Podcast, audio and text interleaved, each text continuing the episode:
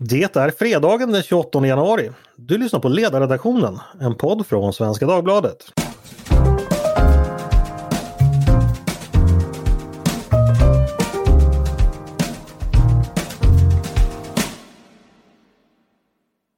Varmt välkomna! Jag heter Andreas Eriksson och jag kan konstatera att oxveckorna sniglar sig fram i kalendern. Men att det trots allt går framåt. För varje vecka vinner vi en dryg kvart av dagsljus. I alla fall här i Stockholmstrakten. Och det är hög tid att plocka bort den sista julslingan från balkongen och låta den sköra vintersolen få sin chans att skina. Det är fredag och det innebär som ni vet panel här i podden. Ledarredaktionens medarbetare står redo att diskutera samtidens alla irrgångar. Exempelvis Mattias Svensson, välkommen hit! Tack så mycket! Hur står det till med dig? Eh, jo, men det är väl jämna plågor som vanligt. Eh, men nu är det fredag och eh, då går det uppåt. Inte i plågorna alltså, utan i motsatsen. Då bubblar det i blodet som någon sa. Ja, det var rent av nationalteatern. Rent av ja, men det slutade tråkigt så vi hoppas att ingen kommer skälla ut dig senare ikväll. Jo, men snart är det fredag och då försöker vi igen. Ja, precis. Eh, och återigen har vi glädjen att välkomna vår praktikant på sidan, Isak Rutqvist. Välkommen hit! Tackar, tackar! Tre av fyra praktikveckor avklarade. Börjar du kunna det här nu? Ja, men eh, börja kunna och börja kunna. Det är väl en ständig utveckling, höll på att säga. Men eh, fullärd blir man aldrig och det är väldigt lång tid kan man väl säga.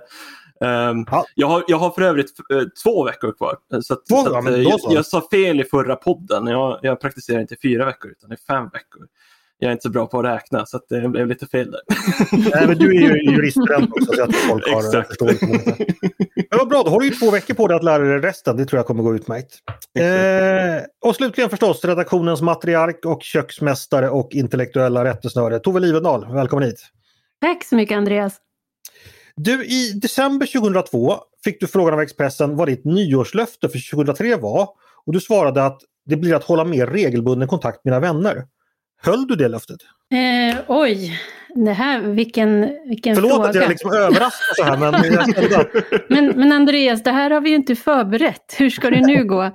Eh, ja, jag tror att jag, eh, det är sånt där ständig eh, ambition. Eh, men mm. jag brukar faktiskt, när det gäller just nyårslöften så brukar jag, de har ändå en tendens att jag brukar liksom följa upp dem. Så att jag hoppas det.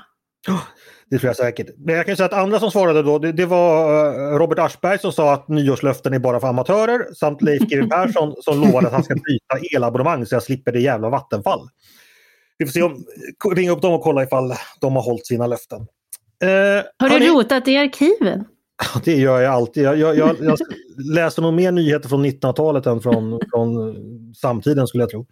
Det är så kul och för då sitter man ju själv med facit och får känna sig smart. Det kan ni testa någon gång. Hörni, eh, vi kör igång med det som, ja, som ungdomarna brukar säga, veckans snackisar. Eh, en av dem var ju Nyamko Sabuni, Liberalernas ledare. Hon har varit med i tv i programmet 30 minuter. Och det blev massor med reaktioner förstås. Eh, Twitter kokade under några timmar. Två saker som jag uppmärksammade från den intervjun, mer än annat kanske, det var dels att Sabuni inte då tog tillräckligt kraftfullt avstånd från att vissa skolor har klädkoder. Och därmed gjorde hon eh, enligt Twittervänstern då gemensam sak med den Islamiska staten och den iranska teokratin. Eh, och det andra hon sa det, eh, av det som uppmärksammas då, det var att januariavtalet, eller januariöverenskommelsen som vi kritiker brukar säga, tillkom för att skada Socialdemokraterna så mycket det gick. Jag tänkte vi går över till vår folkpartistiska hovreporter direkt. Mattias, eh, du har sett utfrågningen. Eh, och börjar, ditt generella intryck av eh, Sabonis insats, hur, hur gick det för henne? Ja, alltså jag blev lite förvånad över, eftersom jag tittade efter reaktionerna så, eh, så hade jag förväntan om någon sån här riktig meltdown. Det är klart att hon gav politikersvar på, eh, på ett antal frågor, det vill säga eh, vecklade in sig snarare än att, att, svara ja eller nej eh, mm. på ledande frågor. Eh, men, men det tillhör ju lite grann spelet. Och eh, han intervjuaren Anders Holmberg, eh, han, han eh, vill, vill ju också, alltså det är ju ett litet format att sätta dit folk och sådär, så det är klart att den som inte vill bli ditsatt kommer att slingra sig. Eh, Men, eh, men jag tycker hon svarade eh, förväntat inklusive liksom på de här upprörda frågorna. Jag, jag är ju själv ty tycker att det, det, verkar vara en lite sunkig klädkod som, eh, som vi har varit inne på eh, tidigare på Engelska skolan. Men jag tycker på ett sätt var det väl lite ofolkpartistiskt att inte ha ett på millimetern klart färdigt mått över exakt hur lång en kjol får vara. Sånt gillar vi. Det, det känns mer som klassisk folkpartism, då hade man vetat och, eh, och den hade varit liksom tillräckligt kort för att reta konservativa och tillräckligt lång för att inte reta feminister. Det är möjligt att den ekvationen inte går ihop, men det gör å andra sidan inte alltid Folkpartiets politik heller. Men nu blev det istället att det behövs för få, att, att det fanns för få ordningsregler och det, det är också ett klassiskt folkpartistiskt svar. Men är det ett liberalt svar? Uh, att säga att, in, att inte säga så här att men självfallet ska ungdomen få klä sig som de vill, det är inte skolans sak att lägga sig i. Vad tänker du? Nej, inte nödvändigtvis därför att det, det handlar ju också om att eh, skolor behöver få utforma sin, eh, sina arbetssätt på, eh, inklusive att sätta regler för olika saker. Det är ju mm. det är lite av poängen med, med det fria skolvalet att, att man ska kunna få testa olika modeller på det området. Okay. Så det, det finns värden, det, det, är inte svartvitt här, det finns värden att väga mot varandra?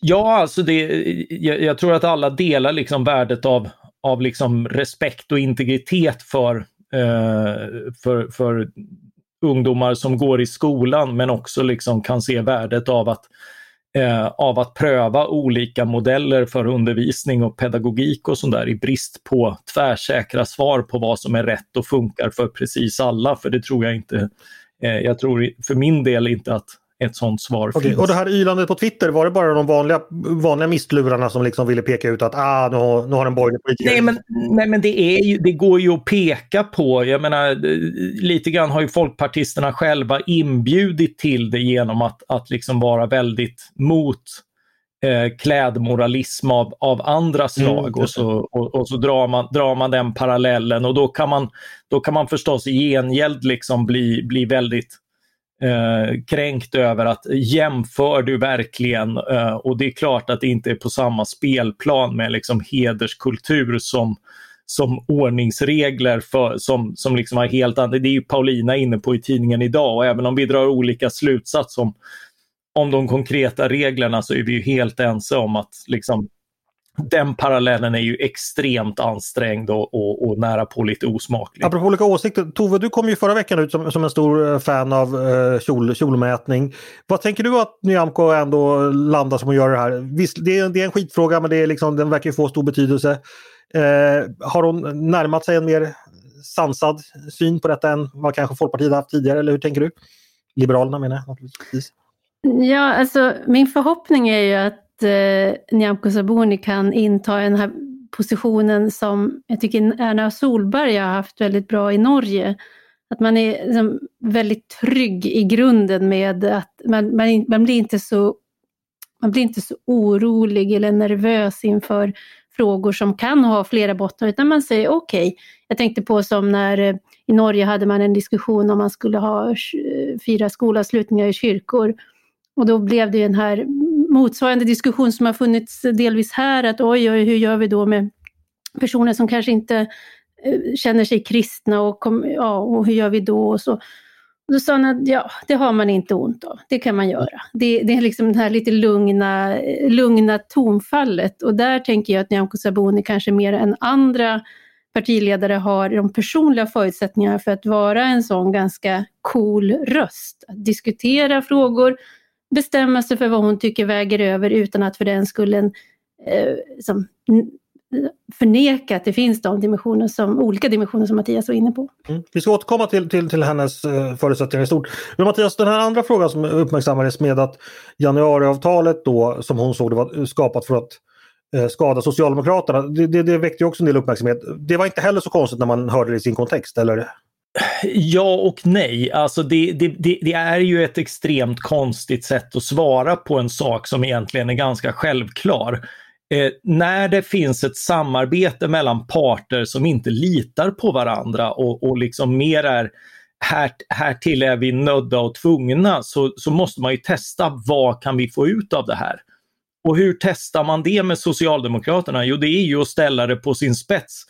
Hur mycket är ni beredda att, att liksom gå med på för att få sitta vid makten? Och, och, så, och, och då är det klart att man, man packar ett erbjudande med den typen av, av frågor som ställer det på sin spets för att få se, är ni verkligen villiga att, eh, att samarbeta? Och, och det märktes ju liksom att det, det blev ju lite av ett, ett Frankensteins monster av fyra partiers olika önskemål. Det var väldigt många som som drog åt utgiftshållet och annat eh, och att det inte skulle levereras så mycket på det var ju, rätt, eh, var ju också liksom rätt tydligt tecken i, i stjärnorna redan från början. Så Nyamko Sabuni har ju rätt i att, att den här grunden för politiska samarbeten och för att liksom kunna vårda och se till att reformerna faktiskt genomförs, vilket de ju i många fall och framförallt de här eh, inte gör, mm. är ju en, en konsekvens av det. Sen, sen är det klart att det, det blir konstigt att formulera det som att liksom, syftet var att skada Socialdemokraterna maximalt. Äh, syftet var ju att testa dem maximalt mm. men, men det blir logiskt ur det, ur det perspektivet att, att Nyamko Sabunis värsta politiska fiender finns ju inom hennes eget parti och det var ju snarare dem hon slog mot Eh, med, med liksom tillskrivandet av det här motivet. Mm. Och, och det, det, visar att hur litet Folkpartiet än, eh, än är så är de eh, på ett sätt sig själva närmast. Mm. Folkpartiet är ju ett eh, parti som eh, genomgår en väldigt svår period, eh, eller ja, kris kan man säga. Man ligger med, inför ett valår eh, fortfarande under riksdagsspärren. Mattias, vad tänker du om det som Tove säger? Är Nyamko Sabuni den personen som kan, alltså som i egenskap av partiledare och allt det en partiledare ska göra och allt det en partiledare ska leverera. Är hon den som kan samla, tror du, väljargrupper från, liksom, jag antar att man får plocka dem från lite olika håll, som skulle kunna innebära att man håller sig kvar? Och, och, och hur, hur och varför gör hon det? Vad är, så vad är hennes styrkor? Vad tänker du? Jo, men det, det tror jag att hon är på väg att göra lite i tysthet. Alltså att börja att börja i ett krisläge, fråga Kristdemokraterna som ju liksom har, har lång erfarenhet av att liksom börja under spärren och jobba sig uppåt liksom, eh, i, i valrörelser. Då, då, blir man lite av underdog eh, och det innebär ju också en lite större frihet att, att liksom kunna kunna pröva andra grepp och, och jag tycker att Nyamko Sabuni har gjort det rätt framgångsrikt med att liksom vara den, den tydligaste och en av få oppositionella röster mot, mot reger när regeringen hänger i liksom eh, eh, coronarestriktioner när, när andra länder eh, släpper dem och så vidare. Och det, det har varit otroligt välkommet att något sånt eh, formuleras, tycker jag som håller med och tycker att att de borde gå ännu längre. Men, men där har de ju uppenbart eh, hittat någonting som resonerar med, med liksom också liberalismen, maktkritik, opposition. Eh, och jag, jag, tycker att eh, i, i, stora delar av intervjun, i synen på liksom vilka hon vill regera med och, och liksom en, en känsla för vad, vad eh, partiet kan bidra med i en, i en eh, borgerlig regering så att den blir bättre komponerad Eh, där tycker jag hon kommer ut, kommer ut bra och jag tror att det är, det är rätt många som, alltså ska man förhandla med, med Sverigedemokraterna från borgerligt håll så, så finns det ju inga jag unnar dem att sitta och traggla med mer än liksom de ganska petimeterartade folkpartisterna. Det, det tror jag vi har eh, hört så... förut just det där Mattias i podden. Du, du har verkligen hamnat in den poängen tidigare. Men den är god. Ja, då får man väl tugga på den ett par gånger. ja. Nej, eh, tillbaka till dig Tove. Eh, jag uppfattar ju Sabuni som, eh, du pratar om henne som, som ideologiskt eller att hon är ändå grundad och ganska trygg i sig själv. Hon är ju vad jag kan tycka ibland ideolog, ideologiskt att det skapar en viss kantighet hos henne också. Jag tänker exempelvis på den tiden hon var jämställdhetsminister så hon är ju inte feminist och det, det var ju noggrant att påpeka med då, vilket jag vet väckte ont blod inom partiet och bland, bland, bland många. Men hon är liksom inte rädd för att när hon väl har kommit fram till någonting, då står hon för det, förklarar det.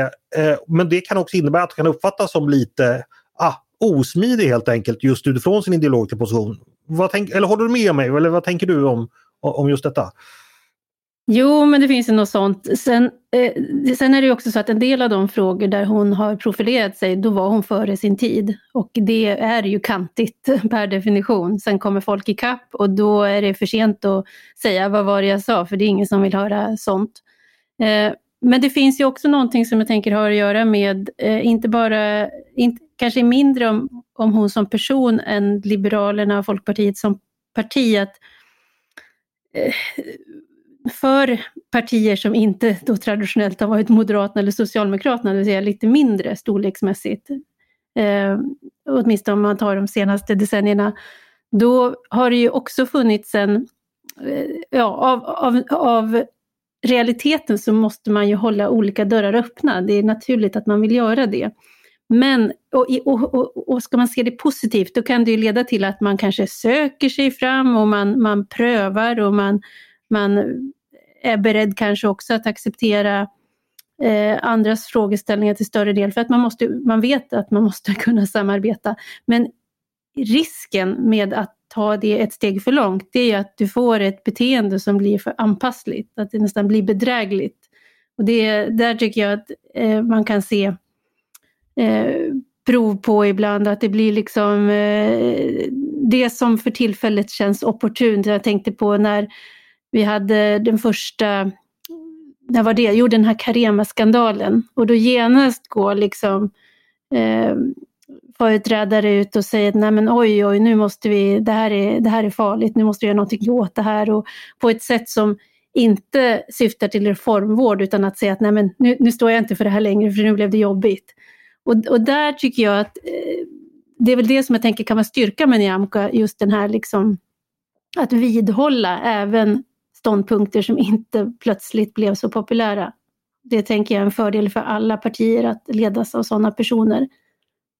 Och I synnerhet mot bakgrund av det du beskriver, det låter som du beskriver en viss folkpartistisk vankelmod tidigare. Eller, mm.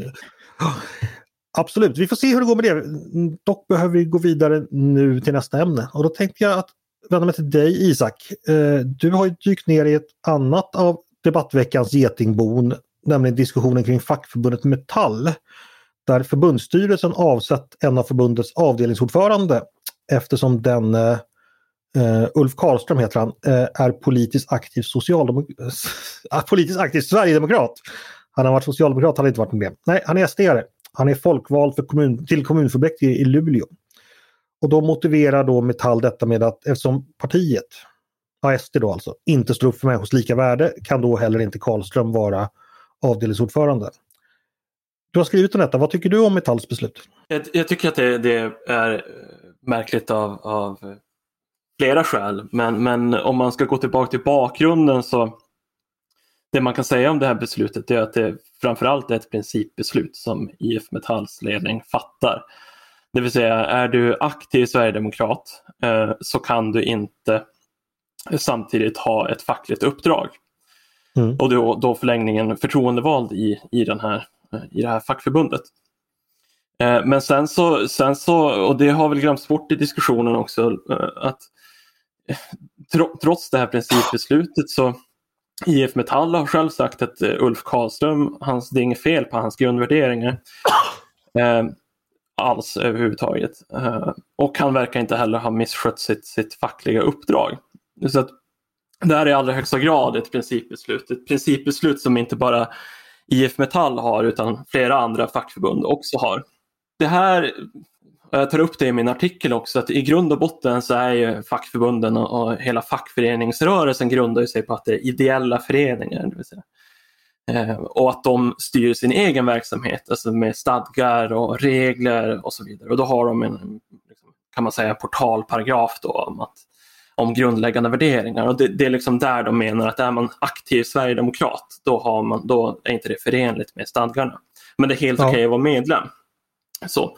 Och det här blir, det här blir liksom ett problem när, när facken, eh, fackförbunden, eh, framförallt på lokal nivå, har ett väldigt stort inflytande. Dels på arbetsplatserna men också utifrån ett systemperspektiv, arbetsmarknaden då det i, stora delar är eh, facken och eh, arbetsgivarna då som sätter ramarna eh, och mär, märglar ut villkoren för arbetsmarknaden. Mm. Så. Just, så din, din poäng är så att säga, Metall det är inte frimärkssamlarföreningen som liksom mer eller mindre kan slänga ut folk efter behov. Det skulle inte göra så mycket utan just för att facken har den här särställningen. Mm. Både, både formellt Exakt. och liksom i realiteten. så blir det... Mm. Men, men okej, okay, vad, vad riskerar vi att hamna? Alltså vad... Säg att det här är ett principbeslut och att det man omöjliggör. Eh, vad blir konsekvenserna tror du? Konsekvenserna, eh, det är flera. Första konsekvensen är ju att, att, eh, och det är väl kanske i närmaste tid ett problem för, för fackförbunden, det är att det, det, att det blir en medlemsflykt och det är någonting som de är tvungna att hantera. På, jag vet att på SSAB, IF Metall på SSAB så är medlemmarna väldigt, väldigt upprörda. Eh, samtidigt då som LO-väljare, eh, LO-anslutna eh, i mindre och mindre utsträckning sympatiserar med Socialdemokraterna. Och det här mm tycka vad man vill om den svenska modellen men den svenska modellen bygger på att människor är med i facket och att, att eh, arbetsmarknadens villkor där eh, utmärglas så att säga. Eh, så eh, det, det, är väl liksom de konsekvenserna som, som man ser på, på både, både kort och lång sikt. Men om, men om jag bemöter det genom att säga exempelvis, ja men då får väl Sverigedemokraterna bilda sina egna fack, vilket jag vet har faktiskt har förekommit mm. försök. Mm. Eh, mm. Och, och, också och konkurrera om medlemmarna och en dag så kanske SD-facket är större än LO. LO och då, ja, det är liksom det liberala svaret. Vad, vad, hur mm. skulle du bemöta det i så fall? Ja, men så är det ju. Alltså, I princip så kan ju vem som helst skapa ett, eller bilda ett fackförbund och, eh, och samla sina medlemmar. Men i praktiken så är det ett närmast uh, oöverstigligt att, att göra det. det. Det är liksom att bestiga Mount Everest med väldigt, väldigt tung eh, packning. Uh, mm. Därför att på, på, om man då ska ta liksom det konkreta exemplet då, SSAB i Luleå uh, där SSAB är arbetsgivaren och arbetstagarna då representeras i form av IF Metall. SSAB är inte särskilt benägna att så att säga teckna flera kollektivavtal och det här är också liksom en, en delprincip i den svenska modellen att en arbetsplats ett avtal eller en, en liksom verksamhetsområde ett avtal och så vidare.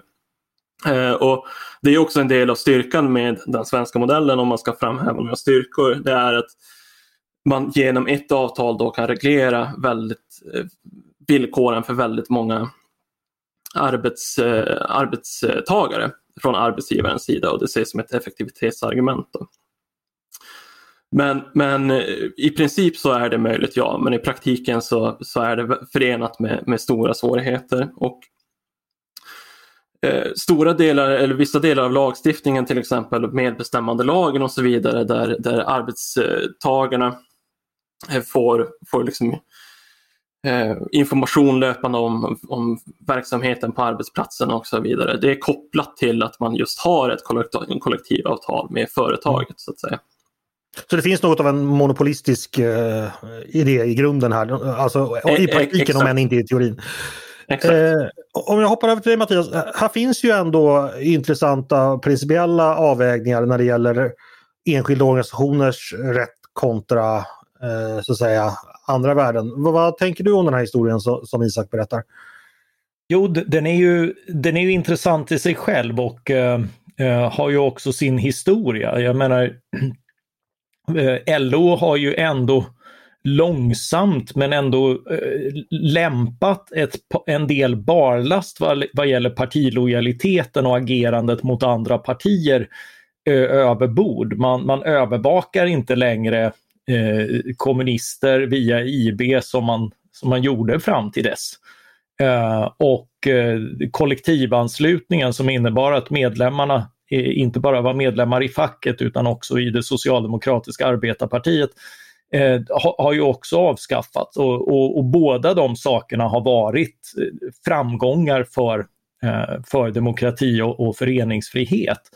Eh, och eh, självklart eh, så, så skulle eh, alltså det, det, jag, jag, jag, skulle ju se en, en klar vinst i att, att den här eh, knytningen till ett parti eh, och, och liksom renodlandet av, av liksom den, den fackliga rollen som företrädare för de som faktiskt arbetar eh, oavsett vilket parti de, de röstar på. Eh, att, att, att det finns. Men, men samtidigt sen tittar man på Twitter till exempel och, och, följer Sverigedemokrater som nu skriver e, era jävla förrädare, jävla LO, eh, ni, ni, är helt eh, knäppa i huvudet, varför får vi inte vara med i er förening? Liksom? Så, ja, det, det, det, det kanske finns två anledningar där. Så, eh, så, så jag, jag, jag, kan ju, jag kan ju förstå liksom att, att, att man vill värna den här eh, den, den här länken som har funnits historiskt och, och, och på ett sätt finns det ju liksom en eh, det, det, måste ju finnas en stor respekt för en förening att få, få värna sin historia och tradition in i, in i framtiden. Så, så det, ja, det, det är verkligen intressant och, och eh, jag vill kanske inte skriva LO på näsan var, var, var de vill landa men, men men det skapar ju en, en explosiv situation när man liksom inte när man väljer en partilojalitet framför att företräda sina faktiska medlemmar och vad de tycker och tänker. Precis, så där är ju självklart att vi som liberaler eller borgerliga resonerar. Alltså från socialdemokratiskt perspektiv så är det ju hädiska tankar du framför för där är ju då arbetarrörelsen fack och parti, alltså de är ju, det, det, är ju samma stam egentligen. Alltså det är lika självklart att man röstar på, på ett parti som man bedriver liksom arbetskraft, arbetsplatskampen. Så att säga. Där, nu vet jag inte om de fortfarande tror på det här eller om det bara är gamla floskler men det är så det låter därifrån. Liksom. Så därför är det här liksom, det går inte att resonera som du gör här att det är vissa ideella intresseföreningar för det är ju liksom arbetarklassens intressen som både mm. kämpas, ja du kan allt det här. Men, men, men, men, vi, kan, vi kan ju också notera likheterna här med, det är precis som Kuba som har haft sin revolution i 60 ja. år. Det är liksom, och, och, och, det var samma i, i, i Sovjet liksom och, och till slut blir revolutionen en massa trötta gamla gubbar och inte så mycket mer. Uh, och, eh, och, och, och, till och med dyrkande av döda sådana i vissa fall. Eh, rörelsen är ju liksom inte riktigt där men det är fortfarande den här tron på någonting som för länge sedan har avstannat. Det rör sig ju inte speciellt mycket i rörelsen. Det, eh, det är inte speciellt många som flockas under fanorna och, och ska man då liksom hålla fast vid vid den tanken som om det fortfarande var som, som det var förut eller ska man förändra sig och, och försöka liksom verka i, i den situation man är i och göra det bästa av det. Alltså socialdemokratin förmådde ju ändå att förnya sig på oerhört många sätt men också det ligger, ligger väldigt långt tillbaka i tiden nu. Djuren tittade på grisarna och tittade sedan på människorna och tillbaka på grisarna igen och upptäckte att de inte kunde se någon skillnad. Eh, Tove, vi släpper in... Men en del är mer jämlika än andra fortfarande. Tove, vi släpper in dig här i denna intrikata eh, principiella fråga. Va, vad tänker du? Ja, jag tycker att det är jättespännande att LO inte respekterar alla sina medlemmars lika värde utan betraktar dem olika. Och det är ju en enorm huvudvärk för arbetarrörelsen detta. Jag såg Susanna Gideonsson, eh, LOs ordförande i Aktuellt här i veckan när hon talade om den här saken och det var uppenbart att hon var så obekväm över det och håller sig krampaktigt fast i stadgarna, vilket är, något, det är som att luta sig på en gardin, så tydligt mm. är det. Eh, och det är ju bara ett skäl för att hon inte vet hur hon ska göra för att säga åt de här medlemmarna som nu har börjat rösta SD att komma tillbaka och rösta på S istället. Så att hon behöver samtidigt förklara för dem att SD är inget bra alternativ och samtidigt så vet hon också vad som hände, hände Hillary Clinton när hon gick ut och kallade Trumps supportrar för deplorables. Så att det är ju en otroligt fin balansgång de har att gå och hittills så går det inte sådär jättebra. Och parallellt med det så fortgår ju precis det som ni har varit inne på, den här historiska förankringen och som Isak också påminner om i sin text att, att ja, nu är stödet nere i LO på under 40 procent för Socialdemokraterna och samtidigt så ger man kontantstöd till valrörelsen. Eh, så det är ju en, eh, jag vet inte riktigt hur de ska komma ur det, men det är, så det är ju bara, det är en del av historien så som vi känner den, den svenska modellen som verkligen har har eroderat och gått mm. sönder. Mm. Jag ska bara, du nämnde Gideonsson, det är intressant, hon, hon twittrade igår närmast på, på Bagdad Bob Bobs manér tänkte jag, utan det lät så här då att Det är tydligt hur desperata SD är. Utspel efter utspel för att tysta och kväsa fackföreningsrörelsen. Det är förståeligt, för just nu tappar SD tusentals arbetarröster varje dag till S. Så att eh, hon, hon, verkar ju tycka att vinden har vänt. Men, men naturligtvis eh, SDs eh, intrång på gamla socialdemokratiska väljarmarker är ju, det är ju enormt. Alltså, att det, det var väl någon mätning, jag tror det var under flyktingkrisen, och när det till och med var så att bland LO-männen så var SD större än, än S. Och det är ju helt Ja, och jag ska ju också säga det här att jag, jag, tror ju, och det är också Isak tar ju upp den danska motsvarigheten i sin text eh, som har bestämt sig för att gå en mer självständig väg. Och jag tror ju att det absolut finns en roll för starka och dugliga fackföreningar i vårt land. Men jag tror att de försvagas av den här otroliga symbiosen med det socialdemokratiska partiet. Och det är ju vad vi ser nu, att de blir oförmögna att formulera en självständig agenda eh, och då blir de irrelevanta och medlemmarna överger dem. Jag, jag tänker ju osökt på eh, Vanja Lundby-Vedins utspel 2003 om att skulle USA ensamt eller tillsammans med Storbritannien anfalla Irak utan att detta sanktioneras av FNs säkerhetsråd så kommer LO att agera. Alltså, det var taskigt att ta upp. Som de agerade också. De agerade. Ja, jo, men det var en Hörrni. mycket stark markering. Maybe an angry note. Vi kommer lära dem en läxa. Det var röd linje.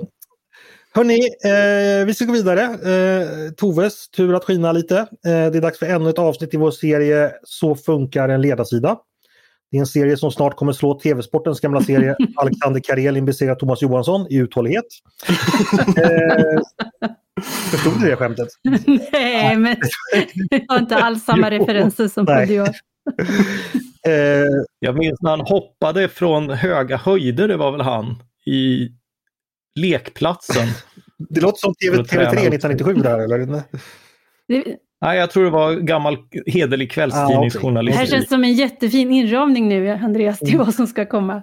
Precis. Eh, dagens avsnitt gäller då eh, det här gamla eh, intressanta ämnet där man tycker olika. Eh, vi har varit inne på det området tidigare. Eh, men vad är det som har fått dig att tänka på en, ledar, en oenig ledarredaktion i veckan? Jo, vi, har, eh, vi hade en, en text av Isak faktiskt eh, som handlade om, eh, eh vad kallade vad, het, vad fick den för rubrik Isak? Det är dags för en Lex Nattico. Precis.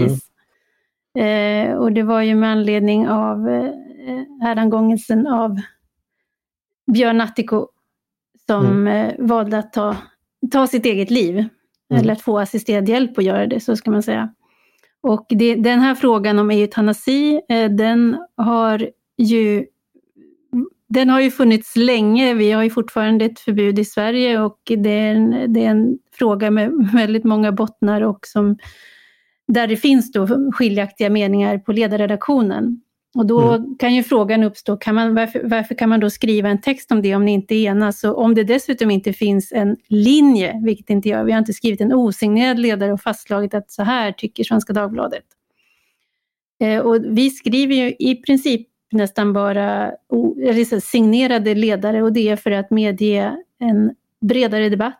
Det som är den signerade ledaren, det är då uttryck för författarens personliga åsikt i ämnet. Mm. Eh, och jag tycker att det blir en bättre debatt av det om vi bara skulle ägna oss åt att skriva saker där vi alla var helt överens och alla tyckte som jag eftersom jag då på något sätt eh, har att förfoga över denna linje. Då blev det en eh, mycket fattigare diskussion. Mm. Just i den här frågan så ligger jag eh, ja, i princip helt i linje med det som Isak skrev, men det finns ju helt andra åsikter på redaktionen. Och mm. jag tänker att det, det kanske kommer sådana texter också. Och det finns ett stort värde i det. Men då, då, då frågar sig vän av ordning, i och med att vi skriver så, så, så få osignerade ledare, hur hittar man då linjen ifall man är intresserad av att söka efter den? Ja, i alla frågor har vi ju inte en. Eh, och eh, ja, det är ju av skälet att jag tycker inte alltid att det behövs. Eh, det, det, det, är inte så att världen förändras för att Svenska Dagbladets ledarsida har en linje i precis varenda fråga, utan världen kan förändras om vi genom god argumentation kan pröva frågors olika ha olika dimensioner. Och den här frågan är i likhet kanske med abortfrågan, fast där tror jag att vi nog alla skulle kunna enas om en linje som väl ungefär skulle låta så här att det är ingen som är för abort som fenomen men alla är för en, en att, alltså möjligheten att göra det. Att det finns mm. en, en rätt att eh, göra det. Eh, och i den här ekvationen så är det inte bara individens frihet utan du tar också hänsyn till eh, Eh, det, det, det ofödda barnets perspektiv och det kan du göra genom den vetenskapliga, alltså forskningens upptäckter och vad vi vet. Eh, och sen finns det också djupa eh, aspekter som kan ha att göra med vilken livsåskådning du har som också spelar in i vart du landar. Men här skulle vi nog kunna säga att här, här har vi nog kunnat enas om att vi alla tycker att det som råder idag är en som lämplig avvägning mellan alla dessa faktorer. Mm. Så att svaret på din fråga är att det finns inte en linje i alla frågor och det är som sig bör. Men, men om jag då är lite elak, beror det på att du kanske har lite som chef svårt att sätta ner foten ibland? Du kanske, fler kanske skulle efterfråga att Tove bestämmer att nu är det här linjen och nu är det Svenska Dagbladets linje. För att en tidning som institution, att den har en linje, har ändå ett visst värde ibland i offentligheten. Vad skulle du svara på det? Ja, jag har ju svarat på den frågan, för det är klart att det finns de som anser att vi skulle ha en en mer totalitär, om man får säga så, jag skulle ha en åsiktspolis. Eh, mm. Och jag tror ju inte på den sortens förhållningssätt. Eh, så, tänk... så din linje är att eh, linjen ska vara ganska öppen, så att säga? Linjen ska, här, i, i de grundläggande värderingarna, där måste man befinna sig på samma planhalva, om man uttrycker det så, för att kunna jobba här. Mm. Men, men däremot så tänker jag att här, risken med att man ska försöka fastslå en sanning i alla lägen, det är att man inte får göra något annat än att hålla på och ompröva det. Därför att en hel del av de frågor som vi diskuterar, de, där förändras ju faktiskt verkligheten. Och det mm. tillkommer nya frågor. Så att jag, jag ser liksom inte, det, det är ju också en av eh, fördelarna med att inte vara ett parti då, som i alla lägen måste kunna avkräva svar. Hur kommer ni rösta när den frågan och den frågan kommer upp i riksdagen? Och det gör inte vi. Så det, jag tänker att vårt bidrag till mänskligheten är inte att i alla lägen försöka fastslå eh, hur det ska vara, utan att försöka hjälpa samtiden till en resonerande och prövande och nyfiket förhållningssätt på hur eh, de värderingar som finns i grunden också bäst kommer i kontakt med verkligheten. Mm. Om vi går lite utanför eh, oss själva så är det lite olika där på olika tidningar. Eh, Aftonbladet har väl numera aldrig några osignerade ledare vad jag kan påminna mig. DN har, det, har väl det ganska ofta händer det väl sådär. Så att, och ute i landet ser det olika ut. Så det där varierar lite men mitt intryck är väl ändå att över tid så har väl den osignerade ledaren blivit mindre vanlig jämfört med det var på 90-talet. Eller har, har ni någon uppfattning om hur det har utvecklats? Ja, det är så här, de signerade har blivit fler och det är väl så här, mitt min, om jag ska liksom gå i polemik mot mig själv så finns det ju någonting som är tilltalande med till exempel Economists sätt att göra tidning, där mm. allting är osignerat.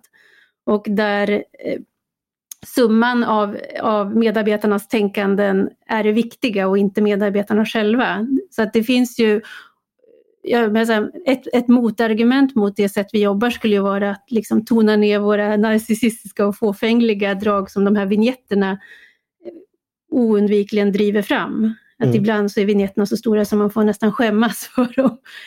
De kan ställa sig i vägen. Och sen kan man ju också säga att i vissa lägen eh, så kan ju också en, eh, ja, Eh, en för, förkunskap om en person eller en förutfattad mening om en person ställa sig i vägen för att ta del av bra argument. Så den risken finns ju också med att vara eh, mer synlig som avsändare. Å andra sidan så mot det skulle man kunna säga att det är ändå en ganska stor transparens och jag tycker nog att det blir frimodigare och bättre texter eh, när det finns en, en tydlig avsändare av dem. Mm. Intressant. Eh, det här är ju någonting som jag tror att ni som lyssnar och läser tidningen ibland funderar på. Eh, hör gärna av er till oss om ni så att säga, har ytterligare frågor kring det här. För det är någonting som Alltså det är ju levande materia skulle jag säga. Det är ju någonting som vi också, vi som jobbar med det här varje dag, tänker på och funderar på. Så att det finns mycket saker att diskutera. Hörni, nu ska vi gå vidare. Det är ju den 28 januari idag och det innebär att det är konungens namnsdag. Carl Gustaf Folke Hubertus. Eh, grattis till, kung, till kungen, säger vi. Intressant. Det är vi verkligen. Det gör vi. Då tänkte jag fråga er bara så här lite spontant.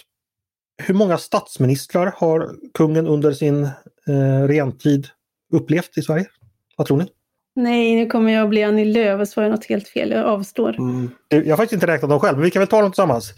Palme, Fälldin, Fälldin, Ullsten, Ullsten, eh, Palme igen då, Karlsson, Bildt, Göran Persson, Reinfeldt, Löfven, Magdalena Andersson. Jag fick det nio. Jag hade glömt ingen va? Jag är säker på att du fick med alla, Andreas. Rä, räknar du Karlsson 1 och 2 och Fälldin Nej, 1 det gjorde jag och 2? inte. Och Löfven. Nej. ett och två. Och Ullsten Ja. 4 och 5 och 6. Ja. eh, hörni, hur många gånger har den svenska BNPn eh, ökat sedan kungen blev kung? Vad tror ni? Nej men dra på någonting. Ja, men i, I runda tal har det väl Nej, fördubblats? två och en halv gånger faktiskt i fasta priser. Åh fan. Så det är inte så dumt. Två och en halv gånger mer. Eh, kungen, eh, hur många barnbarn har han? Vad skrattas? Monarkisterna får visa framfötterna där alltså. Eh, vet, vet vi det? Mattias! men, men vad ska vi dra till med? Eh, typ Två. nio En. kanske? Två, tre, sex. Är det sex eller sju? Sju måste det vara, va? Åtta. Tre plus tre plus två. åtta. Ja, ja, det är det. Hörni, med anledning av Mattias kommentar skulle vi säga så här. Eh, Carl Gustav med Guds nåde, Sveriges, Götes, Vendes konung, storfurste till Finland, hertig av Estland, Karelen, Bremen, Värden, Stettin, Pommern, Kasuben och Venden, förste till Rygen, herren över Ingermanland och Wismar, falskskrev Ren i Bayern, såg till och Berg, hertig, etc. etc. Vi är hemskt ledsna för Mattias Svenssons eh, oförskämdhet. Så, eh, 28 januari är inte bara kungens namnsdag. Eh, jag såg faktiskt att eh, Alan Alda fyller år idag. Han fyller 86 år idag. Eh, Hawkeye från MASH. Mm.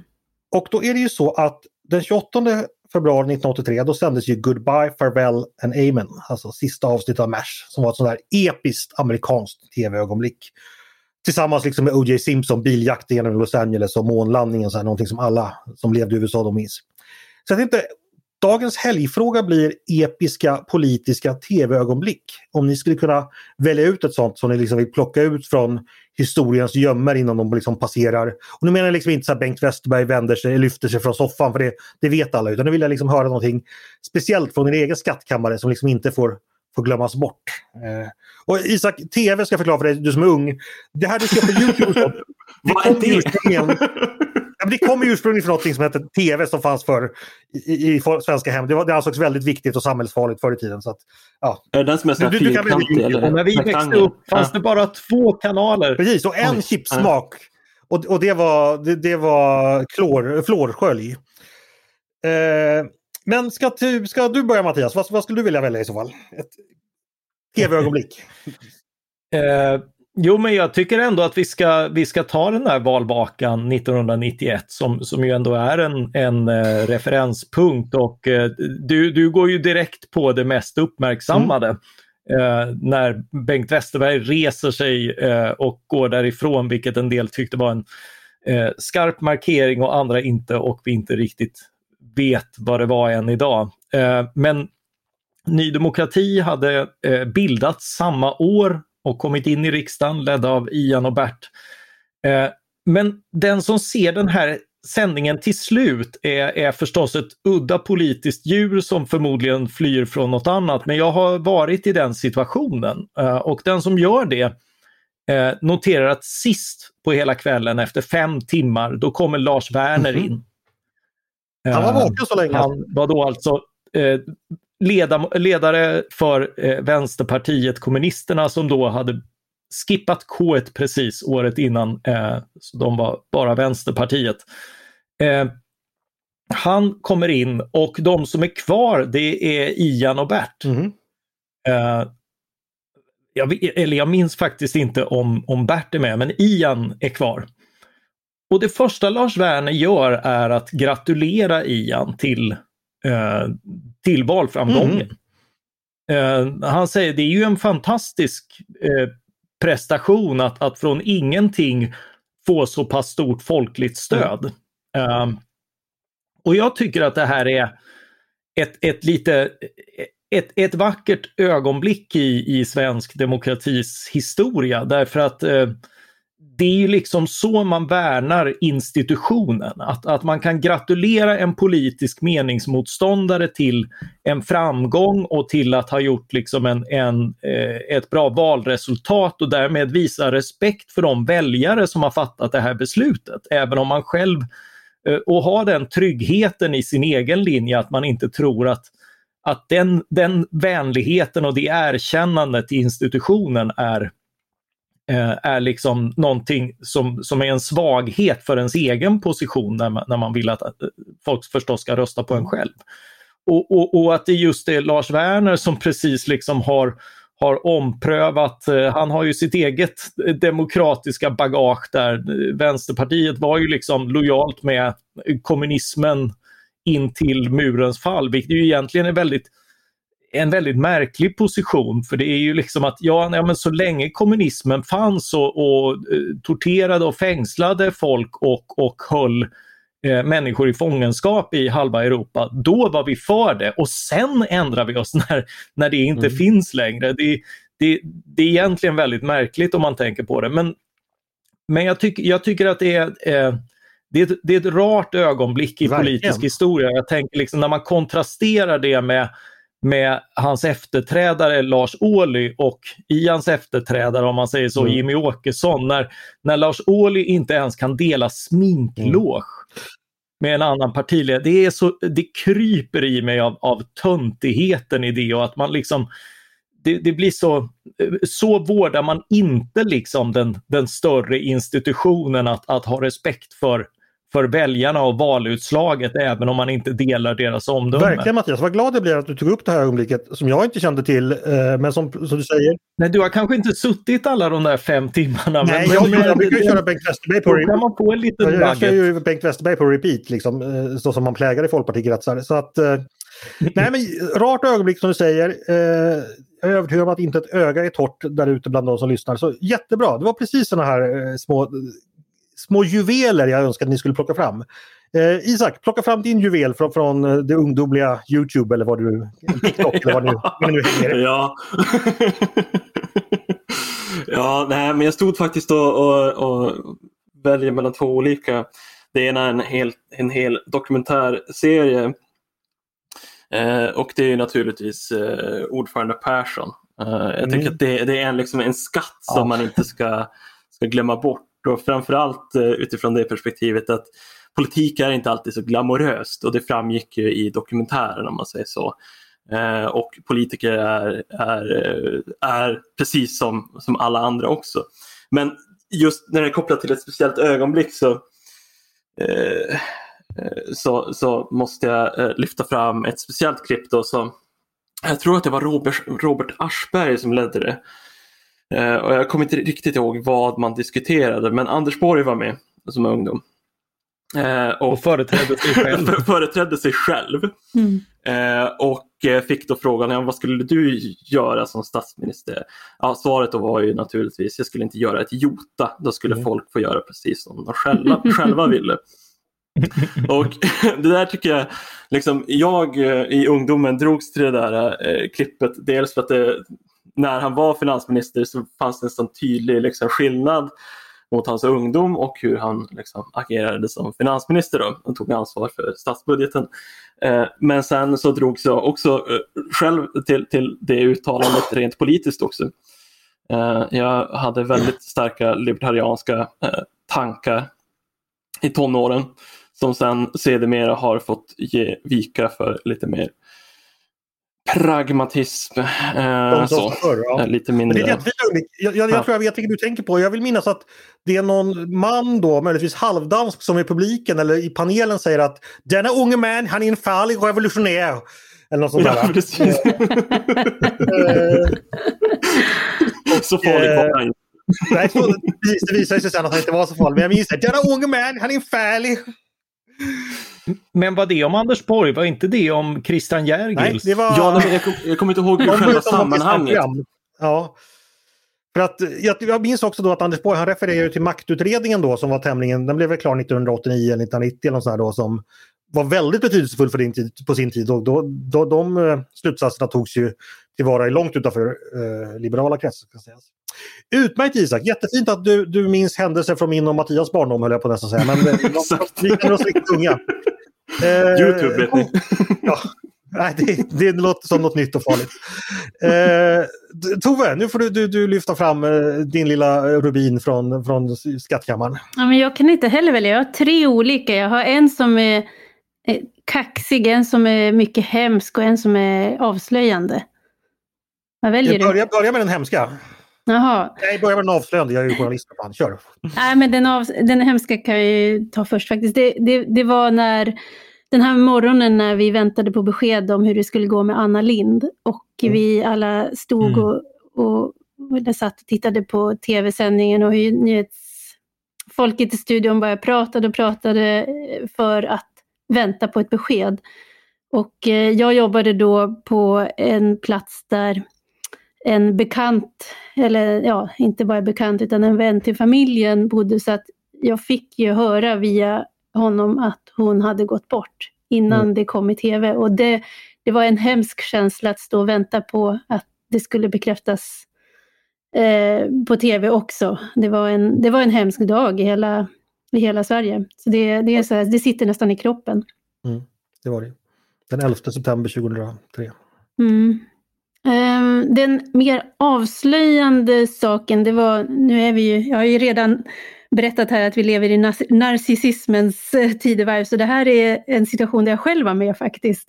Var i en diskussion tillsammans med eh, författaren och journalisten Alexandra Pascalido och eh, vi pratade om, om ja, hur lätt eller svårt det var i samhället och hon sa att det förekom en tredimensionell strukturell diskriminering. Hon sa, är man ung invandrare och kvinna så kommer man bara inte fram. Och då tyckte jag att det var så lustigt därför att dels hade hon själv i den tiden ett eget tv-program och där stod hon och jag på bästa sändningstid i liksom ett prime time och var båda då tämligen unga kvinnor och med invandrarbakgrund. Och då när jag påpekade det då fick jag en avhyvling som sa du är ingen riktig invandrare. och för mig så blev det där en eh, intressant upplevelse. Jag tänker på också hur, hur det ändå hur det ändå avslöjade att det, det, hade satt sig, i hennes bild i alla fall, så var en invandrare på ett visst sätt. Och det var inte bara en, en statistisk sak, var du född eller så, utan det var om du hade vissa attribut och jag saknade dem. Mm, just det, precis. Och vissa åsikter kanske också. Så var det. Och sen den tredje då, då får jag ju säga den. Och det är ju faktiskt ett obetalbart ögonblick och det är när migrationsforskaren Joakim Ruiz meddel, medverkar i Aktuellt och får en fråga vars frågeställning han underkänner och avstår från att svara på den och det bara blir tyst. och sekunderna går. Det här hände ju ganska nyligen, det var väl förra året eller förra, förra året eller sådär. Och... Ja, det är inte så länge sedan, ja, det är några ja. år sedan tror jag. Fyra, fem mm. år sedan tror jag. Ja, det, det... Han, han drog sig tillbaka för några år sedan så nu är han tyst Nej, var... Eh, i, i migrationsfrågan helt och hållet. Det var ett fantastiskt ögonblick och det, det finns säkert att hitta på, på Youtube också. Men Tove, jag trodde du skulle nämna det här ögonblicket, visserligen väldigt narcissistiskt och kanske inte så politiskt, när du återfanns i något skåp ihoptejpad med någon. Eh, eller minns jag helt fel nu? Nej. Det är inte som det låter, kära lyssnare, men Tove ska snart berätta själv. Jo, men, nej, men det, är, det är episkt. Det finns faktiskt på Youtube, måste jag erkänna. Eh, jag letade upp det och gav det till Mattias någon dag, för att han har ju tittat igenom hhela Rederiet-säsongen. Ja. Berätta nu bakgrunden innan folk gör sig för konstiga bilder i sina huvuden. det var ett eh, program som, eh, en serie som heter Pangbulle och som ett humorgäng producerade och tanken med Pangbulle som producenten berättade när eh, den ringde upp var att man skulle göra tre avsnitt och sen efteråt skulle folk säga vad i helvete var det som hände?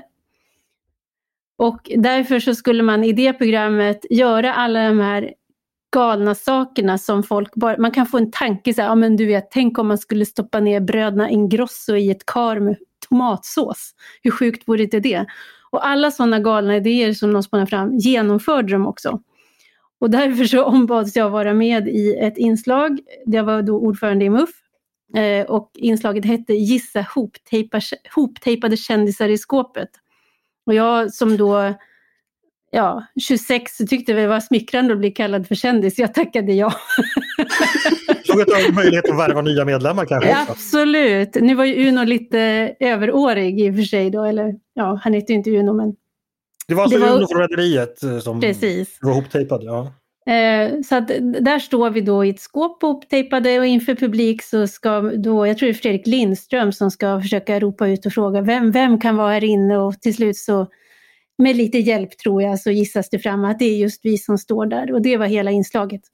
Jag Men hur kan att... folk gissa det? De måste ju ha fått jättemycket hjälp för det var väl inte så här, vad hette han, Hans W Engström och Tove Livendal var inte top of mind där? Liksom. Nej, jag tror att i det här allmänna ropet så tyckte sig programledaren urskilja de namn som ja. sen skulle vara där.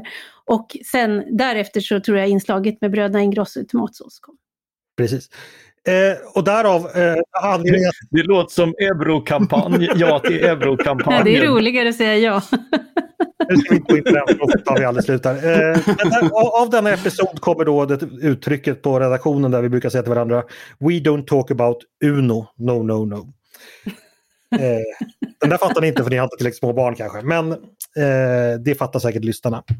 Hörni, vad kul vi hade idag. Eh, tack för att ni ville vara med, Tove, Isak och Mattias. Tack Andreas. Tack så mycket. Tack så mycket. Och trevlig helg på er. Och trevlig helg på er som har lyssnat också på Ledarredaktionen, en podd från Svenska Dagbladet. Hör jättegärna av er till redaktionen med tankar, synpunkter eller egna tv-ögonblick ni vill lyfta fram. Eh, eller om ni har idéer och förslag på saker vi ska ta upp i framtiden. Maila oss då på ledarsidan snabel svd.se. Dagens producent, han har som vanligt varit Jesper Sandström och jag heter som vanligt Andreas Eriksson. Jag hoppas att vi hörs igen snart.